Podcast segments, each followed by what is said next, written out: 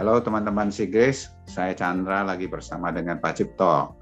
Pak Cipto, saya ingin mendapatkan uh, inputnya Pak Cipto atas apa yang didapat dari diskusi kita uh, di Sigris uh, mengenai mengucap syukur ya, diambil dari satu tes satu Tesalonika 5 ayat 18 saya bacakan. Di sini dikatakan mengucap syukurlah dalam segala hal sebab itulah yang dikehendaki Allah di dalam Kristus Yesus bagi kamu. Wah, ini ayat bagus sekali ya. Orang senang ingin hidupnya mengucap syukur, tapi kadang-kadang bisa, kadang-kadang enggak. Gimana itu Pak Cipto? Ya, terima kasih Pak Sucing. Hmm. Ya, kita itu kalau rasanya bersyukur itu gampang kalau ketika keadaan lagi bagus ya keadaan hmm. lagi baik kita bil kita gampang sekali bilang uh, puji Tuhan terima kasih Tuhan hmm. tetapi ketika uh, keadaan itu tidak baik rasanya bergumul ya mengucap bersyukur itu uh, kita tahu ya uh, semua orang tuh memerintah kita untuk bersyukur jadi saya itu uh, bilang puji Tuhannya juga karena kepaksa karena uh, karena memang secara norma-norma etika secara moral kita harus bersyukur. Dari kecil kan kita dididik begitu harus yeah. bersyukur.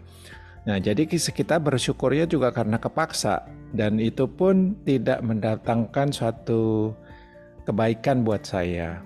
Dan orang-orang di sekitar saya juga pun berasa gitu saya bersyukur tapi cembetut gitu kan. E, tidak enak lah uh, raut mukanya tidak sama dengan kata ucapan saya. Uh, jadi saya bergumul di situ sampai saya uh, diterangkan mengenai satu Tesalonika 5 ayat 18 itu.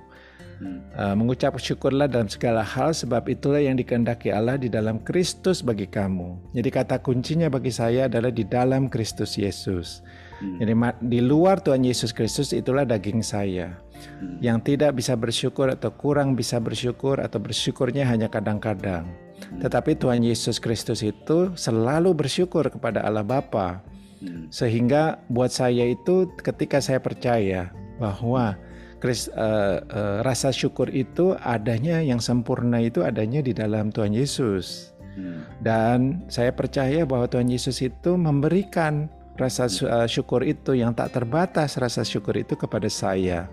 Hmm. Bahkan Tuhan Yesus Kristus itu uh, sudah menyatakan bahwa Dia tinggal di dalam saya dan menyatu dengan saya. Hmm. Jadi ketika saya uh, switch ya, beralih kepada satu kesadaran akan Kristus yang ada di dalam saya, uh, secara natural rasa syukur itu uh, muncul. Hmm. Bukan saya usahakan sendiri untuk bersyukur, tapi secara natural itu keluar.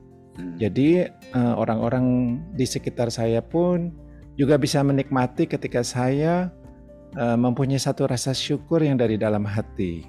Memang masih ada hal-hal uh, yang saya harus belajarin. Kadang-kadang sudah sadar oh, sudah sudah berusaha bersyukur pun kadang-kadang saya tidak bersyukur hmm. tidak mampu bersyukur tapi hmm. saya cepat-cepat ya berkumpul sama teman-teman uh, di hari Rabu saya disadarkan kembali siapa diri saya sebenarnya hmm. siapa Tuhan Yesus di dalam saya yang sudah memberikan rasa syukur itu dan kembali setelah saya disadarkan itu pelan-pelan uh, ya uh, rasa syukur itu muncul dan bukan dari saya dan saya tidak bergumul lagi. Hmm. Thank you, Pastor Ching. Wow, uh, terima kasih sekali atas uh, sharingnya. Ya, kalau dilihat dari luar dengan kekuatan diri, ya kadang-kadang bisa, kadang-kadang tidak ya, tergantung situasi. Kalau yang baik bisa bersyukur, yang tidak baik ya nggak bersyukur. Tapi Kristus di dalam hidup Pak Cipto itu, itulah yang terbaik melihat dia selalu ada kekuatan aja. Di tengah tidak baik pun Tuhan bisa mengubahnya menjadi kebaikan. Sehingga mengucap syukur itu menjadi sesuatu natural dan hidupnya ada di dalam Kristus. Jadi bisa mengucap syukur di dalam segala keadaan karena ada di dalam Kristus Yesus. Begitu ya Pak Cipto? Amin Pak Suci. Oke, terima kasih Pak Cipto. Eh, Tuhan memberkati. Kita sampai ketemu lagi di dalam pertemuan Sigris berikutnya. Amin.